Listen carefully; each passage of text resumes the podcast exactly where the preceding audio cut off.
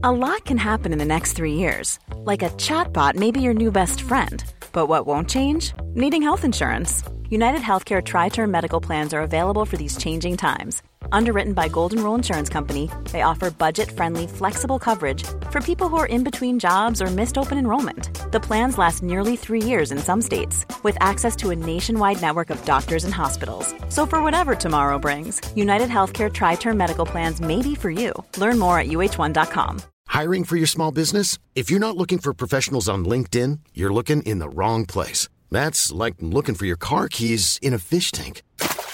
LinkedIn helps you hire professionals you can't find anywhere else, even those who aren't actively searching for a new job but might be open to the perfect role. In a given month, over 70% of LinkedIn users don't even visit other leading job sites. So start looking in the right place. With LinkedIn, you can hire professionals like a professional. Post your free job on linkedin.com slash people today. Hej kära lyssnare, välkomna till Britta och Parisas podcast avsnitt 14. Och vi tar upp Skavlanskavet och såren som Leaving Neverland river upp. Varför är Dogge Doggelito ortens knausgård? Och varför Gifta vid första ögonkastet borde heta Besviken vid första ögonkastet. Välkomna!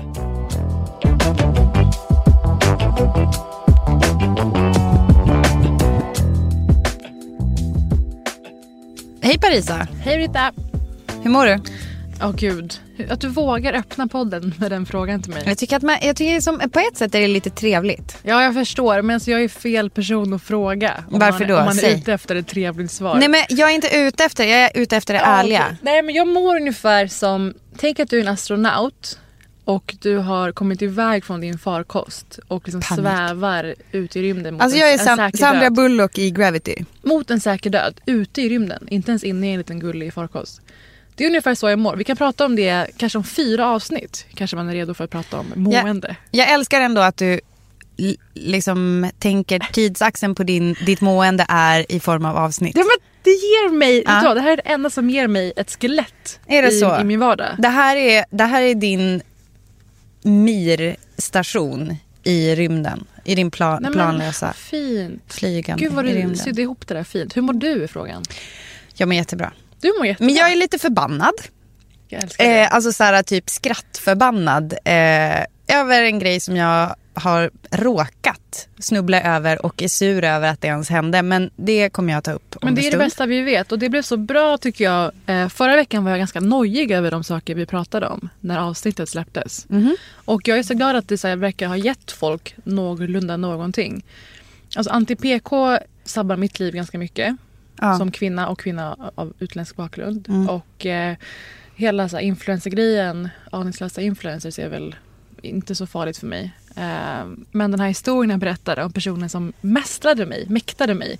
Det var jätteskönt att få era reaktioner på att någon försökte liksom utfeminista mig och hur fel det är. Ja. Så vad skönt att vi hade det ur oss förra veckan. Och du ska få ur dig någonting annat den här veckan. Det var lite kul, jag ska bara slänga in ett litet PS på det där angående just att outfeminista någon. Mm. Att faktiskt så såg jag ju bara typ dagen efter vi hade spelat in så, så slängde Amy Schumer, som vi återkommer till, upp en eh, så här, trailer för sin kommande, 19 mars kommer den, hennes 15 Netflix. mars. Så när det här släpps, då har det varit ute i en dag på Netflix. Oh my Jag god! vet, jag är så beredd. Och Men- jag återkommer till det också, för jag har sett delar av detta. Ja du har det? En meter ifrån henne i New York. Ja men just det.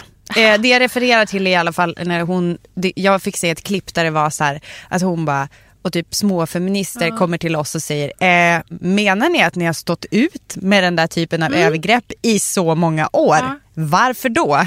Och att hon bara eh, det är det enda klipp jag har sett. Ja men det är typ det som Bianca Kronlöf Exakt, drog den som kommer in och säger så här, eh, ursäkta vad muggigt det var med den här dimman överallt. Eller imma eller vad hon sa. Men annars så har ju den här veckan dikterats mycket av följande. I'm an older man that love all women. I'm an older man that love all women. All women. All women. All women. All women. Det här är såklart ett utklipp ur den nu liksom, ökända intervjun med R. Kelly. Eh, som folk har tonsatt. För att det är bara så vi kan överleva det här. Ja. En man som R. Kelly som vars karriär och liv är som präglat av övergrepp, misogyni, sitter i en intervju med ett stjärnankare i USA och skäller ut henne.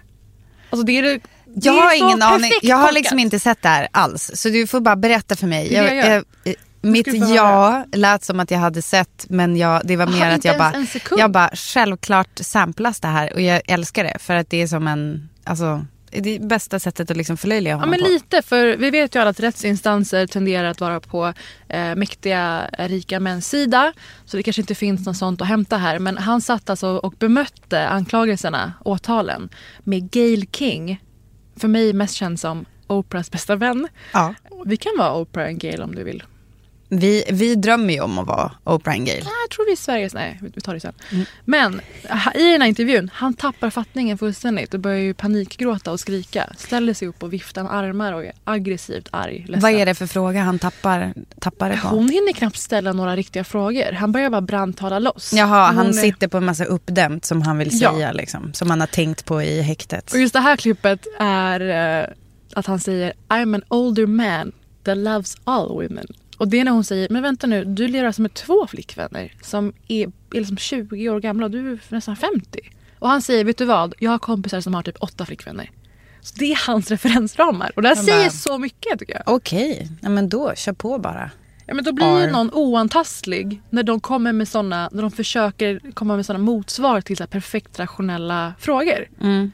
Nej, men så han tappar det och börjar storböla och skrika. I didn't do this stuff.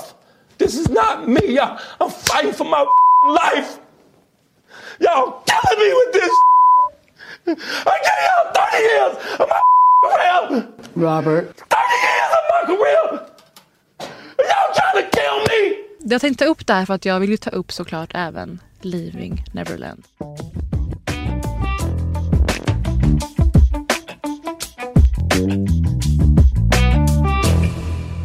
Det som har hänt med Leaving Neverland är såklart att vi direkt hamnar i diskussioner om är verkligen det här 100% sant? Hur trovärdiga är offren? Eller offren, de anklagande. Och att vi direkt hamnar i, vad då? Ska vi sluta lyssna på hans musik nu? Och det jag tycker är mest um, intressant med den här dokumentären som då fokuserar på två män som då var unga pojkar. Eh, Jimmy Safechuck och Wade Robson. De berättar om sina ehm, så kallade relationer med Michael Jackson. Att det började som en idoldyrkan eh, och slutade med att Michael då groomade dem. Och oavsett om det är 100% sant eller inte och så vidare bara andas ut en stund och ta in lärdomar om vad grooming och manipulation är. Jag tänkte berätta en grej idag, Rita. Som är lite jobbig. Jag gör det nu. Det som framkommer i den här dokumentären är att det börjar alltid liksom vänskapligt och att man börjar få vissa fördelar och tjänster. Vara var på Neverland bland massa cirkusdjur. Eh, få leva ett liv som andra barn bara drömmer om. Han hade väl konstruerat det där och det minns Mm. jag att man läste i typ eh, Okej eller Mm. KP, någon sån där eh, tidning. Jag vet inte om Okej kanske var för gammalt för mig. Men så här, att det var så himla härligt att Neverland var Mm. så här, man, det var så lyxigt att få följa med. Alltså Macaulay Culkin har jag för mig när man läste intervjuer med honom, alltså ensamma hemma, Mm. ensam hemma-stjärnan. Att han var ju kompis med Michael Jackson. Mm. Jag har för mig att han typ så här, åh det var så kul, han hade en apa som var tam. Och vet du vad det är? Det är motsvarigheten. Det är så Stranger with Candy fast en idol med Ja. ett nöjespalats. Förstår du? Bra liknelse. Så det är liksom pedofil i en, i en van. Kom in i min van, jag har en kattunge där Ja. typ, eller godis. Kom in till mitt Neverland eh, och lev som att du är i paradiset Ja. med mina cirkusdjur och allt vad som du får här. Godis och bio och allt möjligt. Mm. Så han har ju byggt någon slags ultimatfälla, om vi ska tro på detta. Eh, men bortom det här då.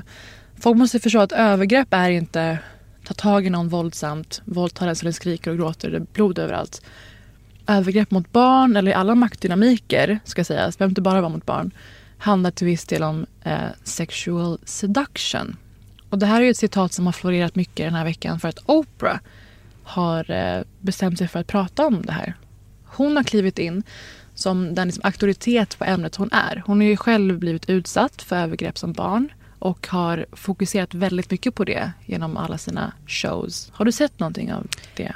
Jag vet att Oprah är väldigt öppen med och har varit länge. Att hon har varit med om övergrepp när hon var mindre. Ja. Och det känns ju naturligt då att hon kommer in och intervjuar de här killarna eh, med sin kanal Own i samarbete med HBO. Eh, men det det gör är också att det eh, sanktionerar ju dem. De är väldigt hårt ansatta av eh, Jackson-familjen, de här två killarna. Eh, och att någon som Oprah kommer in och sitter med dem i en studio och pratar med dem, ger dem den plattformen. Det är ju väldigt trovärdighetsskjuts. Så här kan det låta. Here's the reason why I'm here. In uh, 25 years of the Oprah Show, I taped 217 episodes on sexual abuse. I tried and tried and tried to get the message across to people that sexual abuse was not just abuse, it was also sexual seduction. But for me, this moment transcends Michael Jackson.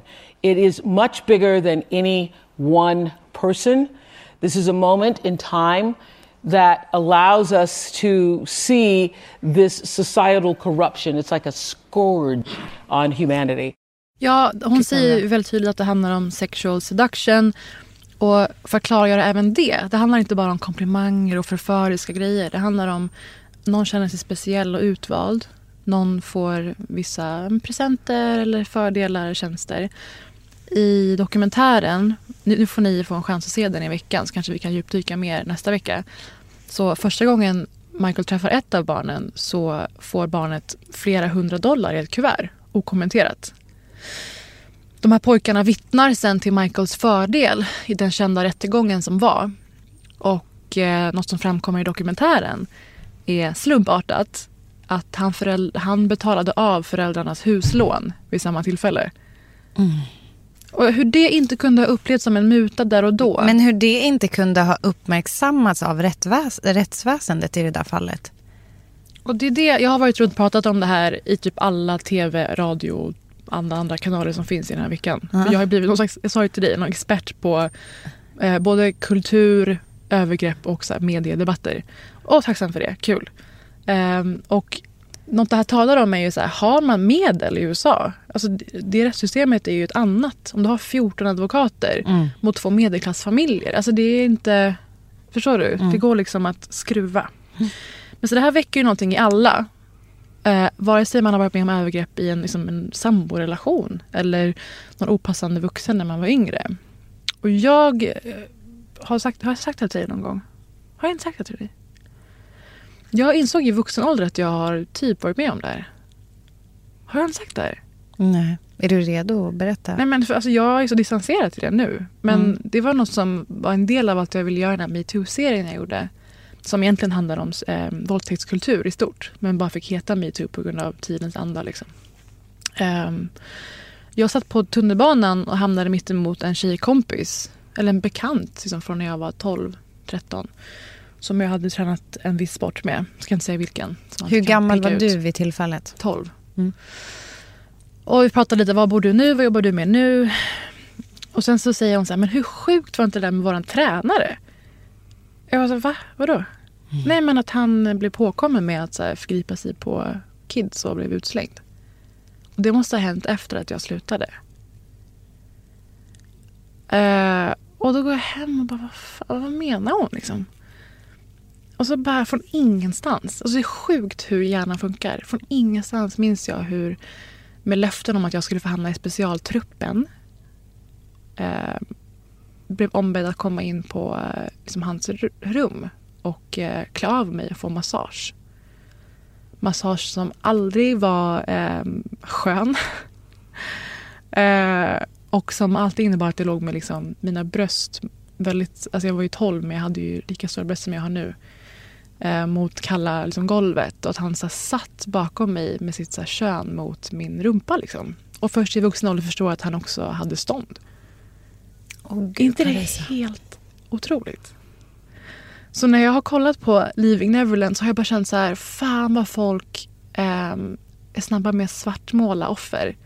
Och fan folk fortfarande tror att det är svart eller vitt. Att det liksom är någon i buskarna som är grejen. Mm.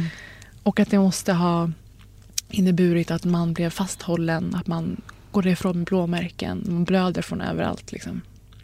Jag tror att jag ändå var så pass integritetsfull när jag var 12 att jag liksom började dra mig för att dra, åka på de här träningarna mm. och började tacka nej till erbjudanden om specialtruppen och tids nog eh, slutade och satsade på en annan sport. Men alltså jag får ju, alltså jag är inte över det här. Jag får ju, jag är ju ledsen för den personen. Förstår du? Alltså den lilla. Den lilla. För jag har ju, jag inser att så mina problem är att lita på folk. Eller, eh, alltså, en sak, jag har aldrig varit på massage i vuxen ålder. Alltså jag tycker att det är så obehagligt. Tanken på att så här, någon ska vara eh, i närheten av ens liksom, personliga zon. Ja, men inte bara det, utan den situationen är ju för dig också oerhört laddad på ett jävligt negativt sätt. Mm. Och ja, jag, förlåt, men gud, jag har svårt alltså, jag, att hålla... Förlåt, jag förberedde inte dig på det här överhuvudtaget. Nej, men det var nej, för att jag... det gör inget. Du, du får ju, alltså jag tänker som att du får ju...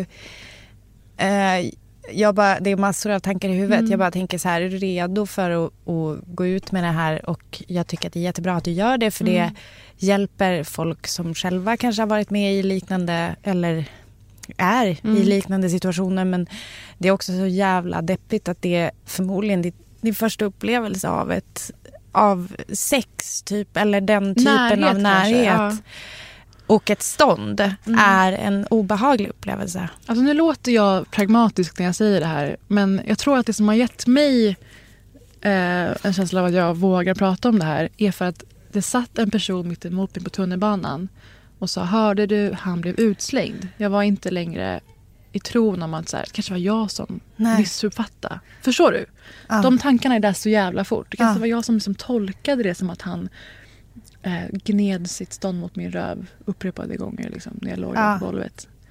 Eh, när alla hade gått hem. Det kanske var jag som bara trodde det. Och bara, bara liksom... Man måste förstå det. Att man litar på en vuxen och man tror att den personen här kan erbjuda mig någonting. Eller jag tänkte att jag skulle bli så proffsspelare men jag tänkte väl oh, han, om det här är vad som behövs för att jag ska liksom vara duktig. Så Ja, men inte bara erbjuda dig någonting Ja. som är för din vinning utan det handlar ju också om att det är en person som, alltså man får ju lära sig att man ska respektera vuxna, Ja. att, man ska, att man också kan lita på vuxna.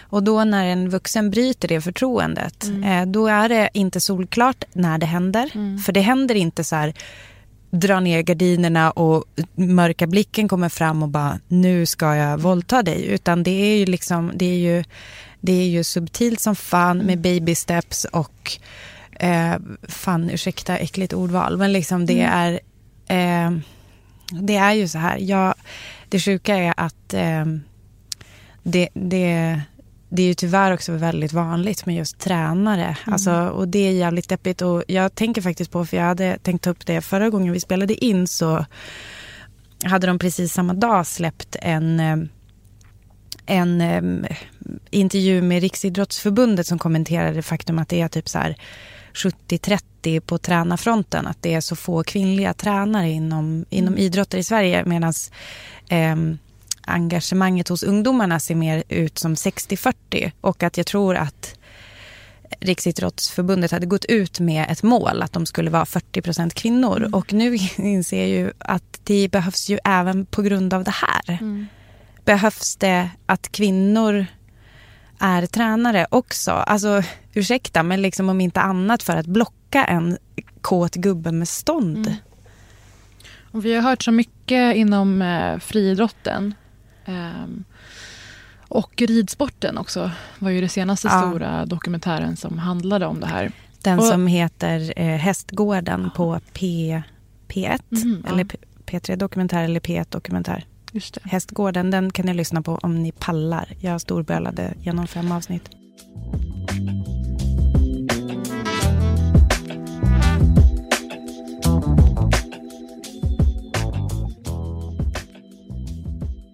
Jag lyssnade på en grej i veckan och det var, det var liksom att det råkade vara på radion medan jag körde bil. Och efteråt när jag återgav det här, jag var typ i... Alltså jag var så upprörd efteråt.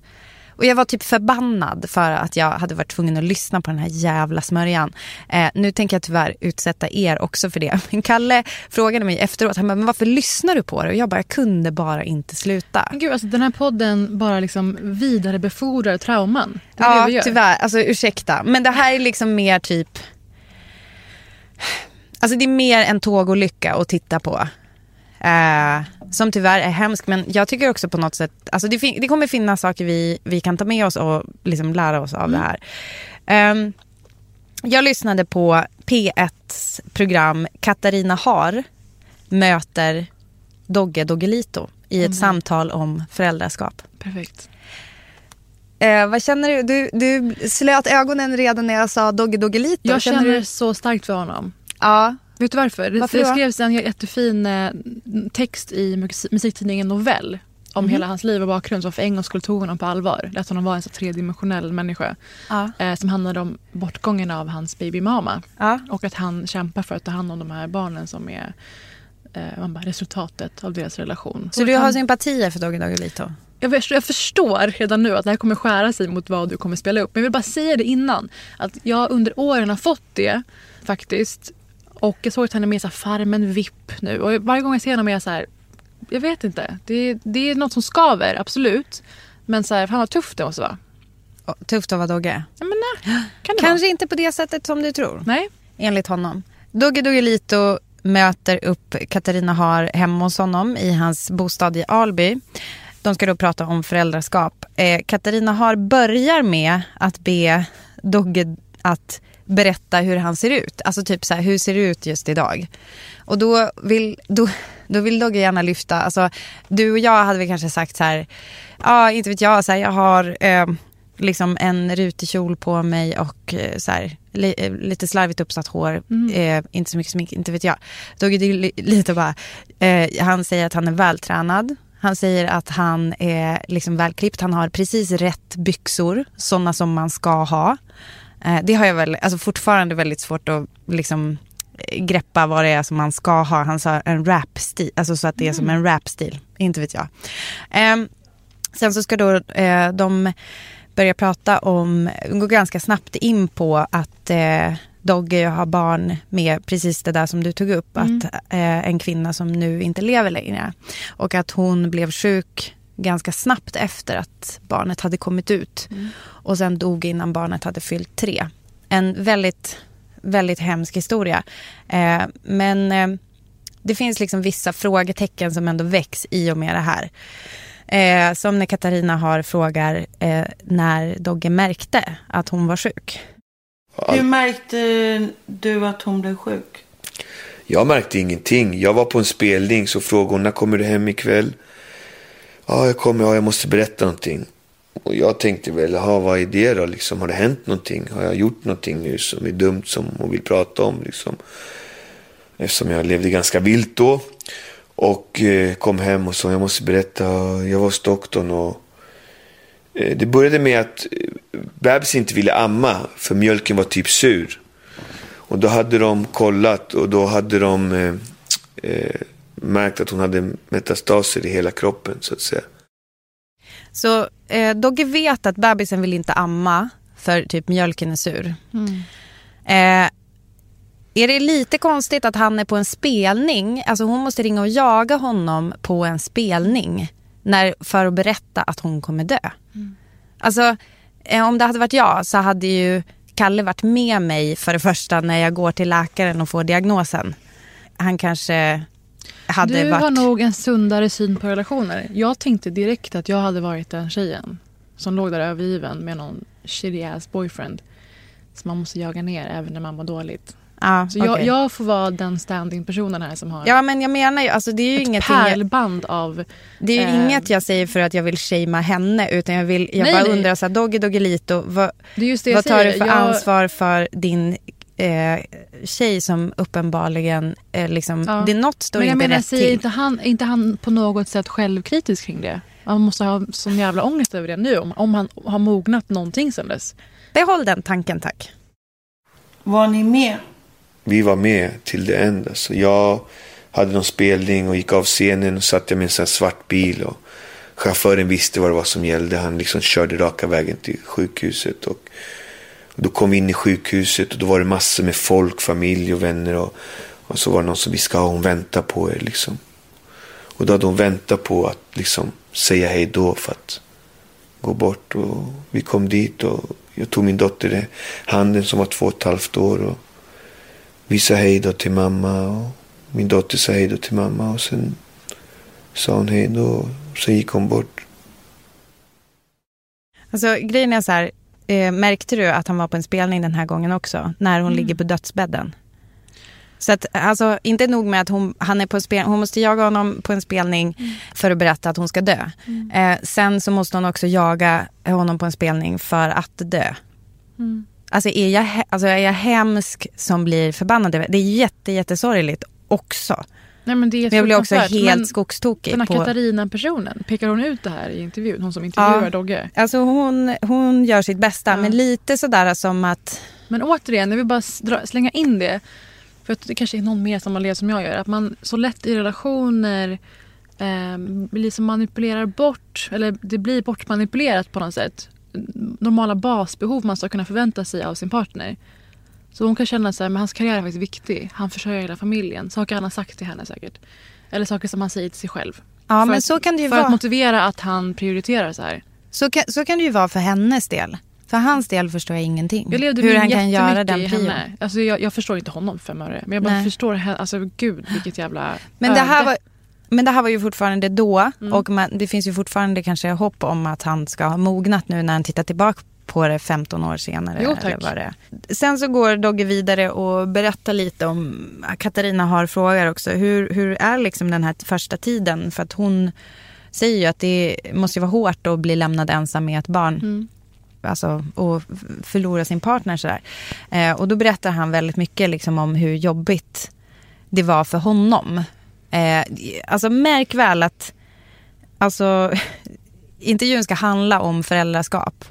Men det handlar väldigt, väldigt mycket om Dogge. I hur han upplever det. När det är liksom en två och ett halvt åring som har blivit av med sin mamma.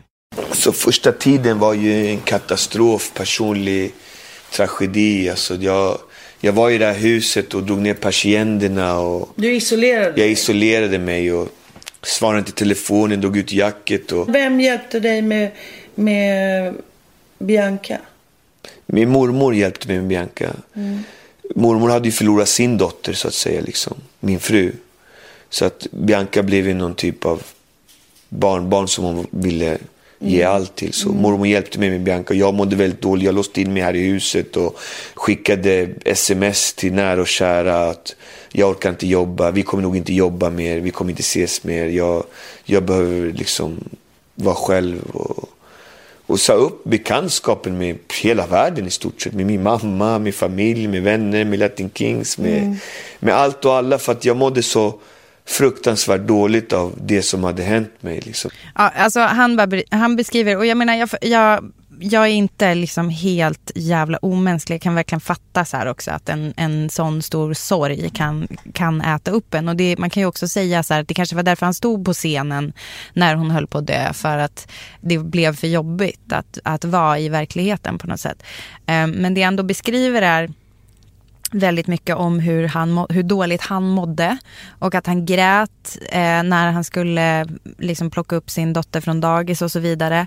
Ehm, och eh, det visar sig sen också att dottern går på dagis i Solna. Eh, han bor ju i Alby. Alltså du, Motsatta poler. Eh, det, det är helt på varsin ända av stan. Det är i helt olika kommuner. Och det visar sig då ha att göra med att den här mormodern då bor i Solna. Så att man, ja, det visar sig att han kanske inte var så mycket farsa överhuvudtaget i det här fallet. Men, men det kan man ju också tänka så här, att han kanske lärde sig någonting av det och sådär. Eh, men eh, ja, då, då, skaff, då, då ser Dogge till att skaffa en ny tjej och eh, också ett nytt barn. Alltså det, jag, ville bara, jag vill slänga in det här bara för att min hjärna kommer att tänka på det. Han skaffade en ny markservice. Men du, jag tänker, du fick ju flera barn ganska snart. När jag var 15 år så träffade jag en tjej och vi hade väl ganska bra. Vi kom bra överens och sådär. Men på livets väg så skildes vi kanske när vi var 18 eller 19 eller vad det var. Jag vet inte. Det var någon jag träffade innan min fru. Och sen under den här äh, jobbiga perioden så vet jag inte, men vi fick kontakt. Och det blev första kontakten med kanske testa och något nytt då. Nu, liksom kanske ett nytt förhållande. Och, och vi provade då och eh, hon flyttade in här lite mera och var här. Och, Skötte markservice. Men jag mådde fortfarande inte bra. Du, jag, nej, du var inte färdig. jag var inte färdig, jag hade alkoholproblem, drogproblem och hon blev gravid och vi blev jätteglada och shit, jag är på gång igen liksom. Shit, jag är på gång igen. Ja. Eh, det, Men han säger ju också att han hade alkohol och drogproblem. Alltså Mm. jag, nu är ju jag en sån skadad person som bara han kanske vill bli bättre. Eller förstår du? Han kanske kan bli bättre någon gång. Vi pratade om Nahid Persson här för några avsnitt sen. Hennes Ja. dokumentär om Anders, jag och hans 23 kvinnor. Jag kanske borde varit tydligare då med att jag är en typisk sån som vill fixa killar. Um, alltså, jag är kanske den som har den här blicken på den här intervjun. Att, så här, Ja, men han alltså- kanske var sämre då och är bättre nu för att Ja jag är men okej, sjuk också. alltså grejen är så här. Jag har inte, alltså, jag menar det är inte som att jag har bara varit ihop med killar som står stadigt på sina egna ben och inte behöver någon hjälp och inte behöver någon så här, för, för alla killar är mammas boys. Vi kan bara, vi kan bara konstatera, så är det. Eh, sen så kan det vara olika grad av det. Eh, och i, jag menar, ja, det, man behöver inte lyssna så mycket på Dogge för att fatta att det är en ganska plågad själ. Men det, man kanske, det jag kanske vill att man ska vara lite obs på här är att väljer man den typen av partner eh, då kan det också vara typ så här när man då sen ska föda sitt barn. hon skulle åka in och kanske göra något kejsarsnitt och jag var väl inte riktigt där mentalt liksom. För jag, efter det här som hade hänt med min eh, fru så blev jag väldigt, jag fick fobi för sjukhus. Och jag försökte förklara till min tjej så här, ja, jag kommer till sjukhus, jag ska bara hem och liksom, och hon skulle gå in och, och de skulle kolla om det var dags eller någonting och föda. Och, och jag skulle bara hem och sova två timmar och Ja, då ska vi se. Det är dags att åka in. Eh, det kan, han bara, säger något om något kejsarsnitt kanske. Hon känner att det är något knas. Han ska bara hem och ta en liten tupplur. Ja. Alltså, nu skrattade jag men alltså, jag har hållit mig hela tiden tills nu för jag tänkte att så här, men det är så tungt ämne. Men alltså, man kan ju bara skratta åt någon som är så, hur ska man beskriva det, självupptagen. Som bara agerar utifrån sin egen upplevelse, sina egna känslor. Jag börjar tro att vissa människor inte kan leva sig in i hur andra har det. Nej, Eller känna det- empati för dem. Nej men så, det, de diagnoserna finns ju absolut. Eh, det, jag tycker du sammanfattar det rätt bra. Eh, jag, Och det- jag skulle vilja säga återigen, att det här är återigen. typ det självupptagnaste jag någonsin Ja. har hört. Att inte där kunna sätta henne i första Nej. rummet. Eh, och, Och- det fortsätter Ja. tyvärr inte så härligt. Och de körde in henne i någon sån här typ städskrubb för det var så fullt på sjukhuset. Och hon kände att någonting var fel. Och då skulle de göra något beslut om kejsarsnitt. Men kejsarsnittbeslutet kom så sent. Så min dotter som låg i magen började andas fostervattnet. Och eh, när jag kom till sjukhuset och de ringde då, du måste komma in nu, det har hänt någonting. Och så kom jag in. Då såg jag en doktor som så gav han mig en, en flicka som, en liten bebis som var död liksom. Nej men alltså, nu så sjönk jag ihop lite här på stolen. Jag föreställde mig inte alls att det kunde bli så här illa. Ehm, men alltså vad är, din, vad är din take på det här när du satt i bilen? Var det, var det, vad tänkte du? Ja, alltså angående just det, alltså så här, eh, jag vet inte, jag bara, eh, alltså jag, min sympati är helt och hållet hos den här kvinnan. Och jag menar, ja jag är gravid, ser igenom ett filter. Men alltså, Eller ser mer klarsynt än någonsin? kanske. Eh, jag vill ju gärna tro det.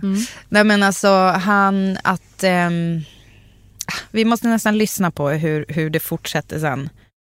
Och den här tjejen gjorde slut. Jag sa det, du kan inte bo här längre. Jag klarar inte det. Jag, det är inget mot dig. Jag, jag kan inte älska någon. Du ska inte vara ihop med någon som jag. Du måste gå ut i världen och hitta en man som passar dig. Jag, jag kommer inte vara han. Liksom. Försökte förklara till den här tjejen. Som, det var ju synd om henne också. Men Men du kunde inte stötta henne.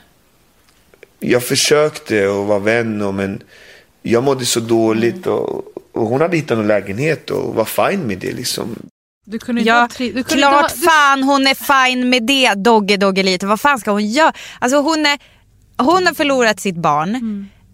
Alltså hon, en fullgången graviditet, det är ett riktigt barn som kommer ut. Hon förlorar det. Dogge Doggelito pratar, alltså jag har inte ens med för han pratar så himla mycket om hur hemskt det var för honom. Mm. Det var så vidrigt och med hans tidigare erfarenhet, absolut. Men det är så här, var finns kvinnorna i det här? Var finns kvinnan som ska dö? Var finns hans dotters sorg?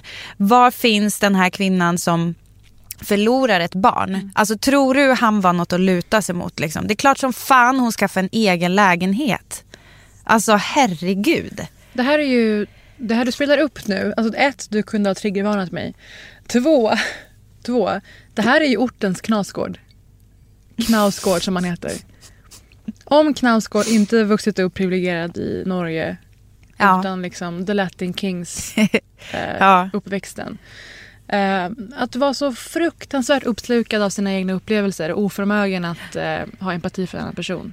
Tack för det här Britta. Ja, alltså det som, det som är så deppigt är att det fortsätter ju eh, tyvärr. Eh, jag, jag orkar liksom inte ge er mer. Eh, ni får lyssna själva på den här dokumentären som heter Katarina har möter. Kan ni söka på så får ni en hel programserie.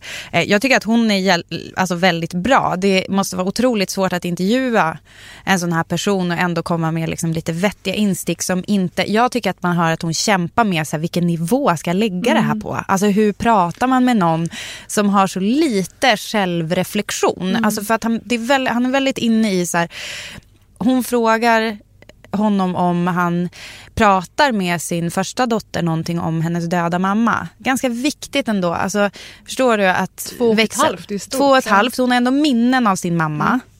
Mm. Eh, men alltså, minnet att det funnits en mamma i alla fall eh, han har ju en väldigt stor möjlighet att berätta för henne en massa fina minnen. Eh, och då berättar han att han säger, ja jag, jag säger det mamma, jag säger mest så här, ja så där skulle inte mamma tycka om att du gör. Eller så här, om du gjorde, mamma var här så skulle hon bli arg. Ja han all, använder henne till att shamea sitt barn. Sen så berättar han också, hon frågar om de går till graven och då säger han att ja det gör de men det är väldigt jobbigt för honom. Ja, det är säkert jobbigt för Bianca också men det är väldigt jobbigt för mig. Helt så att, otroligt. Ja, alltså det är det är en studie. Det, det är en studie i... Framför allt för mig så satt jag och tänkte om och om igen. Tänk om en kvinna hade sagt så här. Tänk om en kvinna hade betett sig så här. Mm. Tänk om en kvinna hade tagit sig själv mm. på, och sina egna upplevelser mm.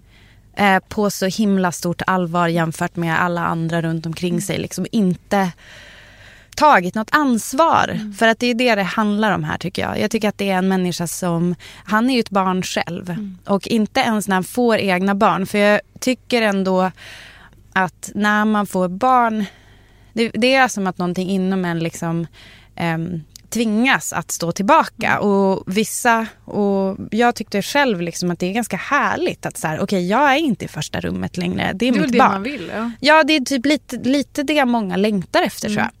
Och i det här fallet är det som en enda... En, en, alltså ett helt barns liv av att Dogge har egen tid. Mm. Så känner jag. Mm. Sen så sammanfaller eh, den här eh, releasen av den här intervjun sammanfaller också intressant nog med att Dogge Doggelito häromveckan la upp på Facebook två vigselringar till salu. Därför att han hade frågat sin nuvarande, eller förlåt, dåvarande flickvän. I början av februari var det hans flickvän. Eh, om hon ville gifta sig och hon hade sagt nej. Eh, så jag vill bara eh, kanske avsluta det här med att säga grattis.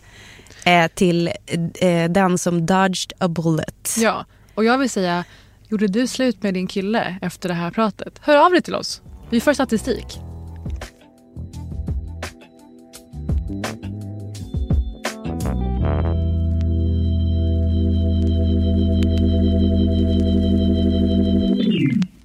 Jag har offrat mig för podden.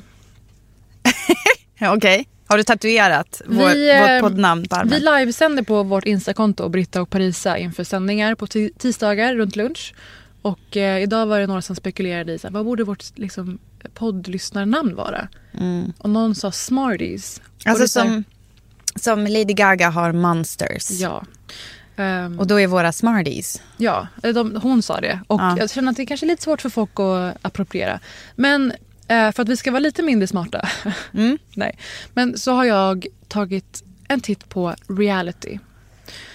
denna växande tv-genre som liksom är lituskomik och förnedring på högsta nivå och eh, inte vilken reality som helst utan det väldigt ökända Gifta vid första Ja! ögonkastet. Vad kul, för jag har också börjat titta på det.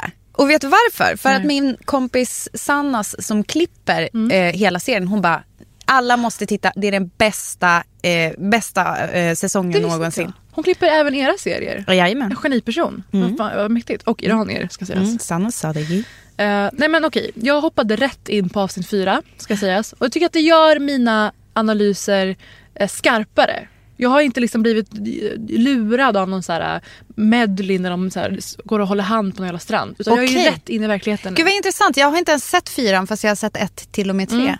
Jag är alltså rätt in i verkligheten. Inga så här busiga, Nej, nej, nej. första möten. Nej, nej, nej. De ska flytta ihop. Får jag bara säga en sak? Okej. Får jag ge dig en background story som du kommer gilla? Okej. Att hon, bokförläggaren Mm. och han eh, mellanchefen. Alltså han som är lång och hon som Ja. är liten och söt. Är han som är lång och ser ut som det där djuret i Ice Age. Som alltid har ett litet korn av något slag. Kanske. Att de båda, som typ en av fem sjuka sammanträffanden, för de kommer ju båda från Årsta. Nej men gulligt. Och sen är det också, alltså de, bor, de, bodde, de bodde så nära varandra och båda brukar kuta ring, runt Årstaviken och sådär. Eh, det visar sig att båda älskar Harry Potter. Älskar! Men vad fina. Mm. De är de som jag av det lilla jag har sett känt varit minst krystade och minst pro- pro- problematiska som par. De är supergulliga. Men det ni ska veta varför jag är så misstänksam varje gång jag ser reality är för att jag som tv-arbetare, liksom du Britta, vet hur mycket som är upplagt för att det ska bli jobbigt för deltagarna. Ja. De vill inte skapa de ultimata paren här. Det, det Men inte... tror du inte det? Alltså i det här Britta! programmet... Zackari! Ibland är du så gullig att jag bara vill... Men det är, en, det är en mysig tanke du har. Men nu ska vi i alla fall komma till vad jag har reagerat på i avsnitt fyra.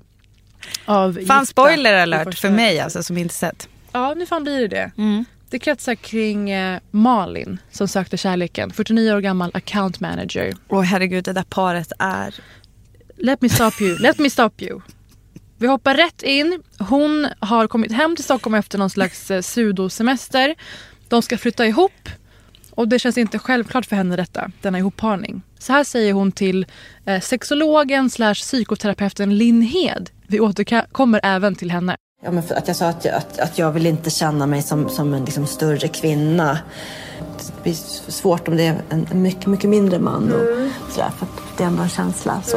För jag tänker just det här med längden, för det pratade vi ganska mycket om. Eh, och det är ju någonting som jag tror att många kan känna igen sig i. Att man har olika föreställningar om att man vill ha en partner som har en viss längd i relation till sig själv och så vidare. Eh, och i och med att Daniel och du är i stort sett jämnlånga. Eh, han är lite längre. Jag tror faktiskt han är lite kortare än vad Kanske jag är. lite kortare Ja, jag tror till och med. faktiskt till och med det. Ja. Ja, nej. Aha, ja. Nej jag tror faktiskt Nej, men vänta nu. Jag tror, jag tror nog att det är så att han är lite, lite kortare med.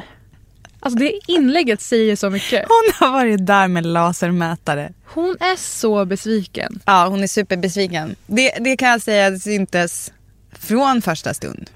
Hon har, hon har inte värmt, alltså hon, hon har inte haft många varma tankar Alltså, om det här. Spin-off-serie, Besviken vid första ögonkastet. Kan vi snälla sätta ihop den? Eh, hon sitter alltså och berättar för den här Linn Hed att så här, nej men det känns inte helt själv. Hon, och hon är så kul att se att hon försöker linda in det här så fint och bra som möjligt för man är en väluppfostrad människa. Mm. Man vill inte såra någon. Nej. Speciellt inte någon som har gått med på att vara med en. Han verkar ju gilla henne, vilket var, måste vara ganska jobbigt ok på något sätt. Men jag tror också att han kanske gillar alla. Ja, vi återkommer även till det. Om vi tittar på det här eh, idealet med att kvinnor gärna vill känna sig små, liksom, att man ska vara smal och att man ska passa in i det här kvinnoidealet. Dels är det ju väldigt få av oss som kanske helt och hållet liksom faller in innanför de normerna och de ramarna. Eh, Och dels gör det att kvinnor hela tiden ska anpassa och jobba med sitt utseende väldigt mycket. Vänta nu. Var vi inte inne just på att hon, Malin, eh, inte var helt bekväm eller attraherad av sin person hon blev tilldelad för hennes preferenser? Alla vet om att både jag och Britta älskar när genusanalys tas upp i olika sammanhang. All for it. I det här fallet kände jag första gången, vänta nu, försöker ni rationalisera bort hennes sexpreferenser? Ja. Alltså lyssna för i helvete på vad hon går igång på och inte. Alltså hon har sagt från början, klart och tydligt, att hon vill ha en man som är större än henne. Det är liksom det hon kommer igång på. Och sen vill de så här, de bara, ja ah, fast alltså det här resonerar de ju i början, det som du inte har sett, men du är helt på det. Um, så tänker de så här, okej okay, men vi måste kunna utmana för det är så mycket annat som stämmer med de här två. Riktigt vad tycker jag inte vi har fått så himla så här, supertydligt eh, presenterat för oss. Eh, i det här, alltså, jag, jag känner typ så här, hon bara, fast jag blir inte kåt och alla bara, fast tänk, kåt är inte allt. Typ. Tänk på, så här, det kom, du kanske kommer, lite som ett arrangerat äktenskap. Mm. Att man bara, fast jag är inte kär. Och så bara, kärlek är sånt som växer fram med tiden. Mm. Typ. Och hon bara, but I'm not feeling it. Vet och alla andra är? ska säga. Det här är en ekonomiskt eh, självständig kvinna, 49 år gammal, har ett fantastiskt liv. Som är ute efter en partner. Ja. Kommer hon nöja sig med någon vid 49 års ålder? Och jag vill säga en, en sak till. Det här är fucking gaslighting när jag satt och kollade på det här då började jag bli alltså, så mer förbannad än typ för Michael Jackson-dokumentären. Ja. Vi är ett helt samhälle som försöker ändra på de här bilderna och normerna. Ja. Och så kommer det här att folk som är psykologer i TV försöker övertala någon att det de känner är fel eller inte stämmer. En till sak, jag tycker också att det är taskigt mot henne att på något, jag, jag, känner att hon på något sätt är lite tvingad att hon måste motivera. Hon kan inte bara säga så här, jag blir inte kåt. hon alltså, säger så, här, så fint. Eh, ja. så här, liksom, it's not happening i fittan. Liksom. Istället så är det som att hon försöker så rationalisera. Hon bara, mm. ja, men jag vill inte vara en så här stor tjej. Och då är det liksom det de tar tag i. Hon Mm. pratar om sin kroppsångest tidigare Mm. I programserien eh, med att hon har blivit kompis med sin kropp till Mm. slut och att hon har, hon har piercat naveln för att hon har liksom tyckt att hennes mage var för stor. Absolut, det är ett issue. Men det Mm. De jag använder det nu... henne. Det, precis, det blir som att de använder emot henne och att hon borde vara så above det. Och Ja. tänka förbi det. Och det är ju också en grej som vi kvinnor hela tiden fucking måste göra. Att det är så här, men man ska stå över att man inte är okej med sin kropp. Alltså så här, hon, vill vara, hon vill ha en snubbe som kan ta hand om henne. Så hur bemöter, när hon öppnar sig och man säger nej men jag känner ingenting. Det, är, eh, det savar inte. Det är Mm. helt torrt i trosan. Och så vidare. Vad säger då en utbildad sexolog i frågan? Jo, Hur är det med liksom intimiteten då? Hånglar ni, kysser ni varandra? Nej. Har ni någon beröring? Beröring har vi. Ja. ja. Och vad är det som gör att det här inte går vidare till nästa steg? Nej, jag känner ingen attraktion. Nej. Än. Nej. Eller just nu. Nej. Vet han om att du har varit själv länge och inte eh, varit intim på länge? Mm. Liksom så, så att han förstår din situation Mm. och var du kommer ifrån. Jo, men det sa jag på bröllopsnatten. Eh, Alltså, för, ursäkta, men det ska ju inte spela någon roll. Alltså, så här, förstår han det, vad du kommer ifrån? Man bara, eh, om hon inte är intresserad av sex så är hon inte intresserad av sex. Alltså, för det, det där tycker jag är ganska konstigt också att de förväntas, de ska dela rum och så vidare. Och jag, man mår så dåligt över att det är en människa som hon finner noll som helst att- attraktion för. Och så ska de Linn- ändå så här, Hon tåta frågar, sig ihop. kysser ni, hånglar ni? Och Ja. hon liksom lite, lite skrattande så här, nej gud. Ja. Och att Linn då säger, varför går ni inte vidare? Säger Ja. sexologen. Vet du vad det här är? Det är reality trafficking. Det är SVT håller på med. Det är Lilja Forever fast med medelålders människor som alla är svenska medborgare. Det är vad det är. Alltså jag satt och var så rasande över det här. Och återigen, vi försöker just nu, alla andra, så här, ändra på det här att tjejer ska liksom foga sig, alltså försöka liksom, eh, finna sig i saker. Eh, Är inte det som är idén lite av det som pågår? Jo. Jo. Och du var inne på den här snubben. För om vi släpper henne lite, för nu är det mycket fokus på henne, hennes attraktion och jag håller med om att samhället kan bygga vissa ideal. Men nu är det så hon är, hon är 50 år gammal. Jag tror hon bara ska få den snubben som hon vill ligga med faktiskt. Men till honom då, innan du säger någonting om honom, för jag vet om Mm. att du vill säga saker om honom. Ett litet klipp vad det är för snubbe vi har att göra med. Ja, men hon är fin, verkligen. Mysig, trevlig att hänga med, lättsam. Så den biten känns som att vi är hemma på. Där vi, det känns som att vi har lite samma humor sådär. Ganska lätt att skratta eh, ihop. Eh, och det, det är mycket vunnet där tycker jag. Men eh, blir det bara humor då tenderar det till slut att bara bli vänner. Liksom. Och det var inte tanken. Och tjejkompisar har jag så det räcker. Eh, det behöver faktiskt inga fler. De har känt varandra i några få dagar. Och han Mm. tycker inte att en liksom begynnande vänskap är en bra idé för att komma någon vart i den här relationen. Eh, Du var inne på att han verkar gilla alla. Du som har sett lite mer än jag. Ja, alltså grejen är också så här, det, han gick ju in i det väldigt mycket, alltså han blir direkt lite så här touchy-feely, alltså typ han, han är ju så här eh, generellt eh, kanske gillar att ge en liten massage och så. Nu känns det ju äckligt att ens ta upp det ordet med tanke på hur det här avsnittet började. Men, men det är liksom lite, alltså jag har bara suttit med den där känslan så här, bort därifrån. Hon, alltså jag tror inte ens att hon njuter av beröringen. Alltså jag skulle gärna se lite mer närhet. Och det behöver absolut inte vara sex, men lite mer skönt sådär. Jag tror hon kanske känner att jag vill kanske till exempel när man går och lägger sig att man kanske kan ligga och hålla om varandra lite sådär. Medan hon, är- hon verkar vara van vid att, rulla bort och, och titta in i väggen när hon ska somna. Det känner jag bara, fan, skit oskönt. Alltså jag vill ju ligga, man kan åtminstone ligga och hålla handen eller ha fötterna ihop eller och så här som en, liksom en fin avslutning på dagen. Ja, det kan man om, man om man har en attraktion för varandra. Alltså vadå skitoskönt? Alltså säg att du tycker att det är jobbigt då. För, din, för dig själv. Lägg inte någon label på henne. Älskade ängel, du är sann. Det här säger så mycket för mig om så mycket saker. Jag förstår varför folk tittar på det här. För att det är så mycket som man går igång på, reagerar på och känner så här, så där var mitt ex för tio år sedan eller så där är min kille ibland. Alltså man fattar. Det jag reagerar på med det här citatet om att sova ihop, en fin avslutning på dagen. Det är som att eh, närhetsrunka på någon. För hans välbefinnandes Ja. skull. Att han ska få känna närhet och att hon då ska finnas i något som hon inte är superbekväm med. Ja. Och vad har han gjort för att hon ska känna sig sugen på honom? Exakt. Får hon komplimanger? Är du liksom förför du henne? Får, känner hon sig speciell? Alltså, det, så kan det, det, det har jag inget tvivel om. Alltså, nu har vi ju inte Men sett allt. inte dig. Jag säger nej, bara nej, men det- jag menar, alltså, de det tror jag säkert komma- att han kan ge. De tankarna kom, borde komma först. Ja. Och inte att det är något fel på hur hon tycker om att sova. Nej. Det är en jätterolig bortrationalisering från eget ansvar i liksom attraktion och i, en, i ett förhållande. Tänk att vara så här självklar i att så här, men jag förtjänar närhet. Ja. Jag, ska, jag vill ha närhet. Och tycka att det liksom är givet på något sätt. Men eh, du har två tecken va? Nej. Du måste ha det. Nej, jo, du måste ha det. Det kommer inte gå annars. Du måste ha det. Du får, eh, du får känna in det här nu för till att börja. Nej, nix. I natt blir det så här. Nix. Nej, jag ska Nej, ha det, är, tänke. det är det här eller inget tecken. det är bara att välja.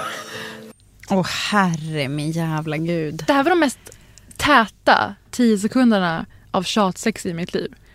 Alltså för, en förlängning av på något sätt. Det vi fick se nu var en person som försökte stå på sig och var så här: nej, nix, nej. Fast Sista ändå scenen, artig som fan. Artig med ett leende. Och såg du sen hon kalkylerade, ja. började skratta lite nervöst, ligger huvudet på sned. Mm. Säger, kan jag få ett eget täcke? Nej fy fan. Det här borde ju läras ut i skolor. Bara de här tio sekunderna på slutet. Ja. Men här vrå- vrålade jag och stängde av så jag har, jag har inte sett någonting mer. För att det blev för hemskt. Det som är så jävla smärtsamt är att jag blir påmind om hur kvinnor är så jävla noga med att inte vara den jobbiga i rummet. Jag, ska inte vara, jag, jag vill inte det här, men jag säger det snällt. Jag säger det liksom med ett leende. Jag, säger, jag försöker hitta en rationell anledning istället för att bara säga jag vill inte. Jag vill inte vara med, jag vill inte vara med om det här. Jag vill inte ligga i samma säng som honom. Jag vill inte ligga och fucking tåflörtas med honom på nätterna. Och nu ska hon dessutom inte ens få rätten till sitt eget jävla täcke. Verkligen. Och det ska framgå att eh, sekunderna innan det här så låg han och gjorde tricks i någon slags eh, anordning som hängde i taket i hans vardagsrum. Ja, den där med sjalarna. Det är någon slags sjalar som han gör tricks med. Ja, den är alltså, hemsk. han är alltså en cirkusperson. Han har i garanterat haft sex i den där, i den där sjalen. 100 procent. 100 procent. Och han går runt i någon slags trekvartsshorts. Vuxen man. Ändå det... mer kläder än vad han skulle vilja ha på sig tror jag. Ah, gud, de kommer ryka fort, de kläderna. Och jag tycker verkligen att det är numera statligt skattefinansierat eh, reality trafficking.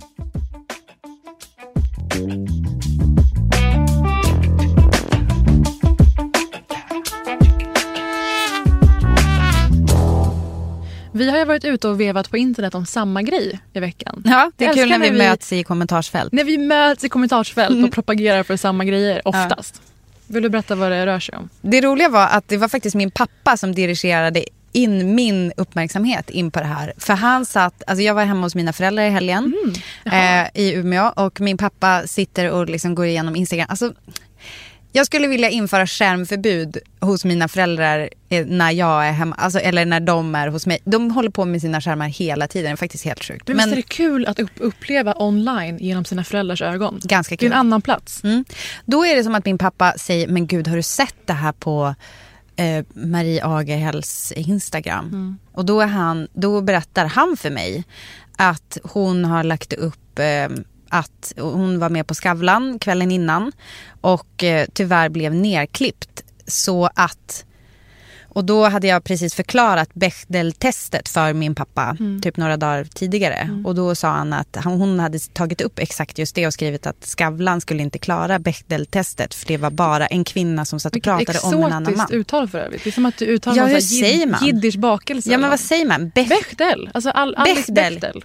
Maria Agerhäll är en person som vi tidigare har pratat om i den här podden. Hon är så kallad showrunner som då innebär att hon har skrivit manus, hon regisserar och har även castat sig själv till en av huvudrollerna i tv-serien, humorserien Dips Och som går på SVT. producerat skiten. Producerat Suttit skiten. och liksom registrerat musikrättigheter till Stim. Vet ni hur mycket jobb det är? Vi bara, Eh, hos Skavlan får hon då Tyvärr inte för oss som är väldigt intresserade av vem är den här personen. Maria Agerhäll har inte tidigare eh, spelat Mm. i något sånt här förut. Eh, Vi har, har vi ens sett någon tv-serie hon har skrivit? Inte vet jag. Låt oss veta mer om henne.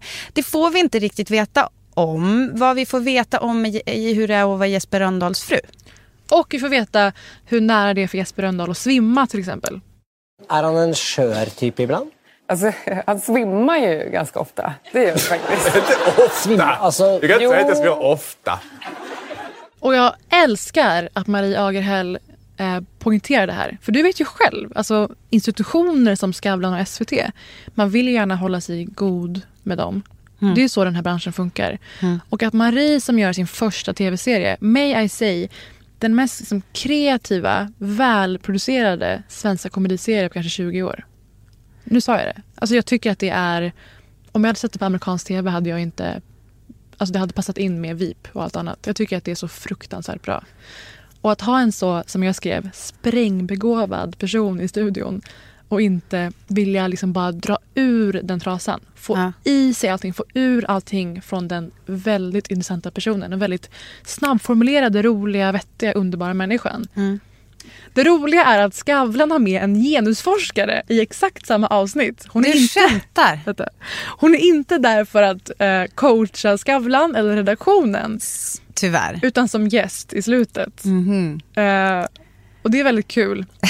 men alltså får du, alltså men gud, när du är med Kalle på olika saker, har du märkt av något? 100 någonsin? Vad kan det vara för grejer då? Nej men alltså, det, alltså så här, jag är väldigt van vid att ehm, folk liksom frågar om Kalle. Och sen vill jag extra vaken på det också Mm. för att, eh, för att te- citera Beyoncé, Mm. don't think I'm just his little wife. Just det. Ehm, allt ifrån i början om liksom, alltså folk som frågar privat så här, om jag har liksom haft någon fördel, alltså att jag har så åkt snålskjuts Mhm. tack vare Kalle.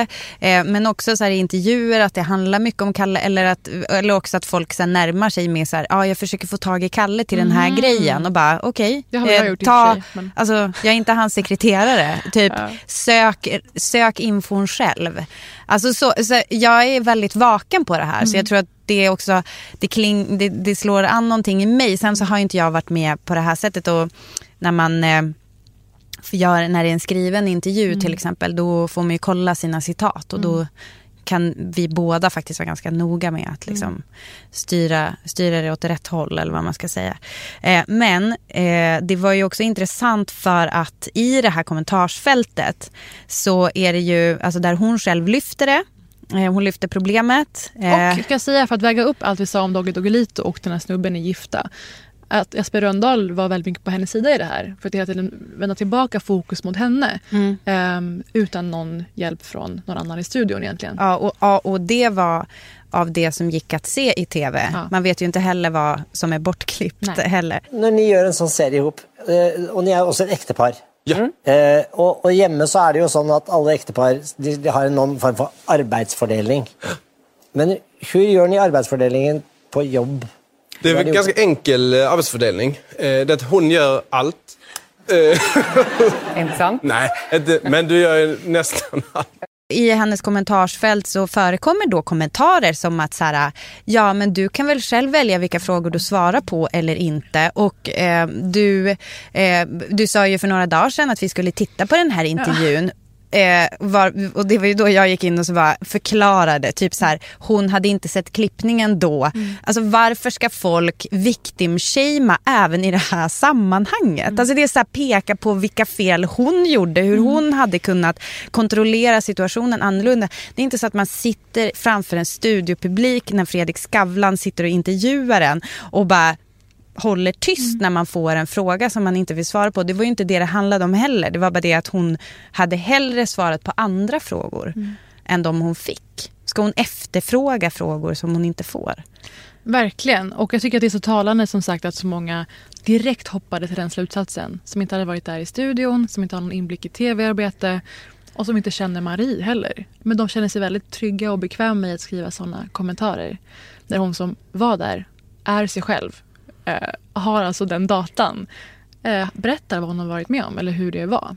Ska sägas, en annan intressant grej just det här Skavlan-avsnittet då eh, var att hur mycket tid allt annat fick. Jag ville, jag ville räkna eh, hur många minuter Marie fick. Jag skulle säga att det, det kom upp till två minuter bara av liksom ögonmått.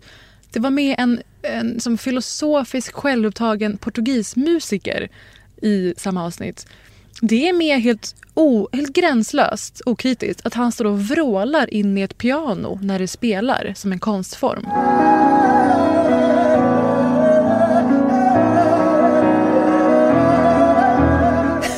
Det är med en britt som är någon slags motion och sömnexpert också. Ranjan Chatterjee. Ja. Och han står och gör en rumpövning primetime SVT. Han vill att man ska träna rumpa varje dag. 20.00. Obs, där såg jag inte på Skavlan men jag känner till honom Ja, innan. och han får göra den här övningen ur tio olika vinklar. Men herregud. Allt, det, det här återkommer till det vi sa förra veckan om kvotering som det kallas. Det handlar inte bara om antal huvuden. Det handlar också om kvalitativ jämställdhet. Mm. Vad får någon säga om vad då? Hur länge? Hur länge? Men kan vi inte få avsluta med, jag, jag vill säga det här som avslut. Att, och snälla medsystrar. Mm. Så här, fråga inte när en kvinna har sagt sin ehm, accomplishment eller det här har jag gjort, det här har jag skapat. Eller i det här fallet, jag var med i Skavlan och blev klippt åt ett helt åt helvete håll. Skriv gärna inte då var har du köpt de snygga skorna du har på dig. Det är fel fokus.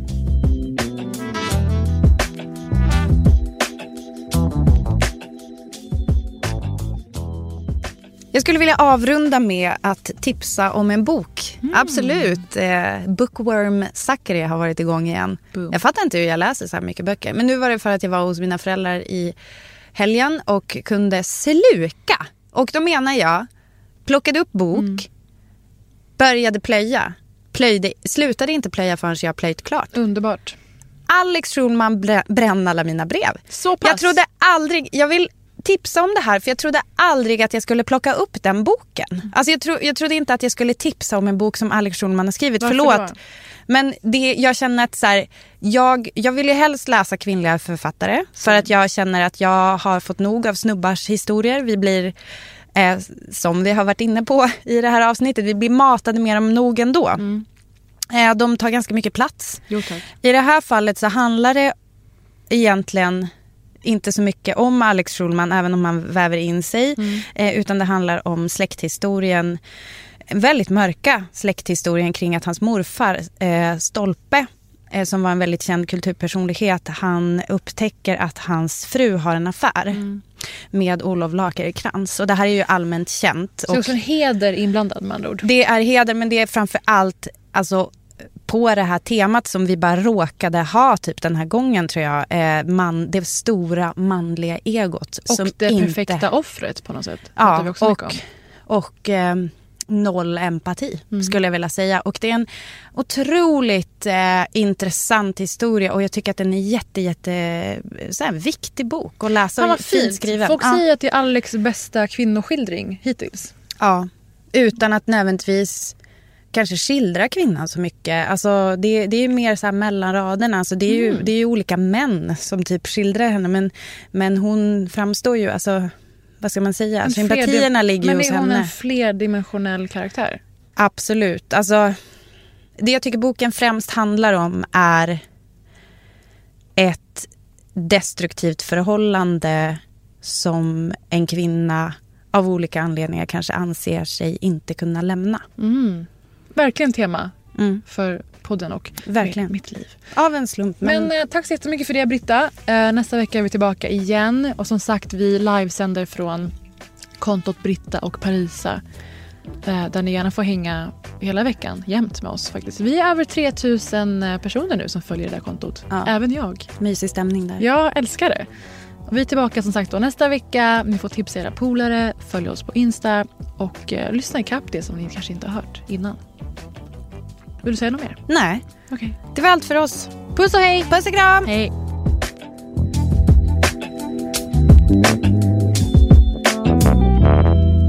En podd från L.